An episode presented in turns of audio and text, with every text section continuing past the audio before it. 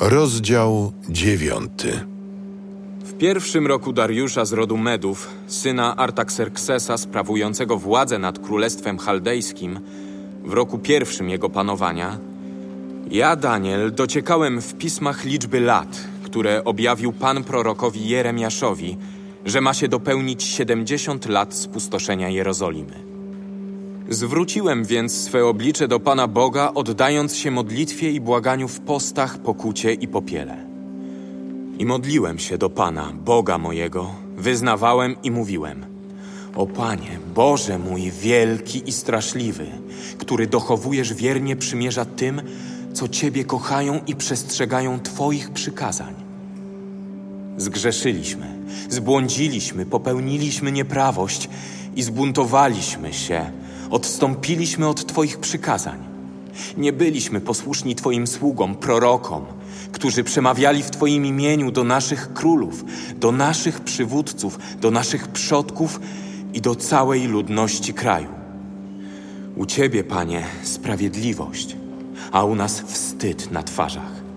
Jak to jest dziś u nas, mieszkańców Judy i Jerozolimy i całego Izraela, u bliskich i dalekich, we wszystkich krajach, dokąd ich wypędziłeś z powodu niewierności, jaką ci okazali. Panie, wstyd na naszych twarzach, naszych królów, naszych przywódców i naszych ojców, bo zgrzeszyliśmy przeciw Tobie. Ale Pan, Bóg nasz, jest miłosierny i okazuje łaskawość, mimo że zbuntowaliśmy się przeciw Niemu i nie słuchaliśmy głosu Pana, Boga naszego, by postępować według wskazań, które nam dał przez swoje sługi, proroków. Cały Izrael przekroczył Twoje prawo i pobłądził, nie słuchając Twego głosu.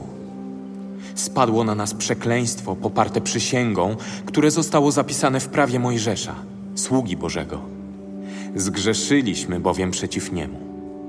Spełnił więc słowo, jakie wypowiedział przeciw nam i naszym władcom, którzy panowali nad nami, że sprowadzi na nas wielkie nieszczęście, jakiego nie było pod całym niebem, a jakie spadło na Jerozolimę. Tak jak zostało napisane w prawie Mojżesza, przyszło na nas całe to nieszczęście. Nie przebłagaliśmy Pana Boga naszego, odwracając się od naszych występków i nabywając znajomości Twej prawdy. Czuwał więc Pan nad nieszczęściem i sprowadził je na nas, bo Pan, Bóg nasz, jest sprawiedliwy we wszystkich swych poczynaniach. My zaś nie usłuchaliśmy Jego głosu. A teraz, Panie, Boże nasz, który wyprowadziłeś swój naród z ziemi egipskiej mocną ręką, zyskując sobie imię, jakie trwa do dziś, zgrzeszyliśmy i popełniliśmy nieprawość.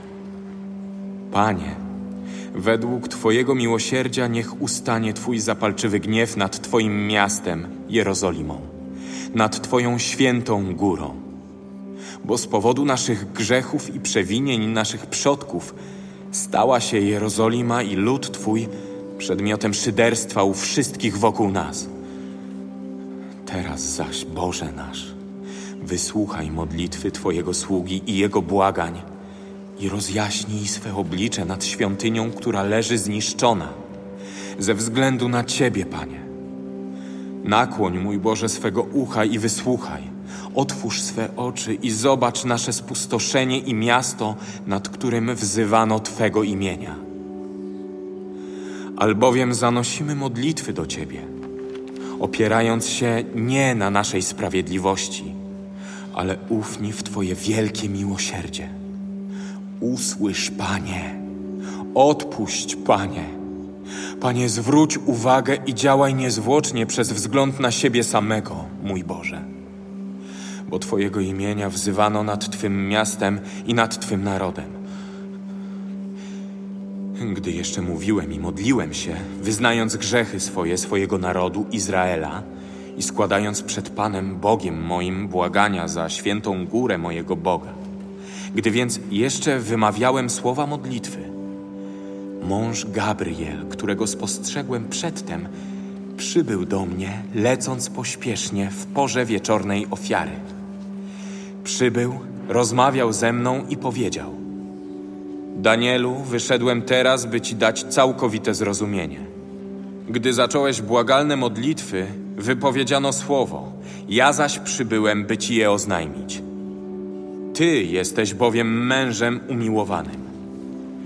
Przeniknij więc słowo i zrozum widzenie. Ustalono siedemdziesiąt tygodni nad Twoim narodem i Twoim świętym miastem, by położyć kres nieprawości, grzech obłożyć pieczęcią i odpokutować występek, a wprowadzić wieczną sprawiedliwość, przypieczętować widzenie i proroka i namaścić święte świętych. Ty zaś wiedz i rozumiej. Od chwili, kiedy wypowiedziano słowo, że nastąpi powrót i zostanie odbudowana Jerozolima do władcy pomazańca, siedem tygodni. I w ciągu sześćdziesięciu dwóch tygodni zostaną odbudowane dziedziniec i wał, jednak w czasach pełnych ucisku. A po sześćdziesięciu dwóch tygodniach pomazaniec zostanie zgładzony i nie będzie dla niego. Miasto zaś i świątynia zginą wraz z wodzem, który nadejdzie. Koniec jego nastąpi wśród powodzi i do końca wojny potrwają zamierzone spustoszenia. Utrwali on przymierze dla wielu w ciągu jednego tygodnia, a około połowy tygodnia ustanie ofiara krwawa i ofiara pokarmowa. Na skrzydle zaś świątyni będzie ochyda ziejąca pustką i przetrwa aż do końca, do czasu ustalonego na spustoszenie.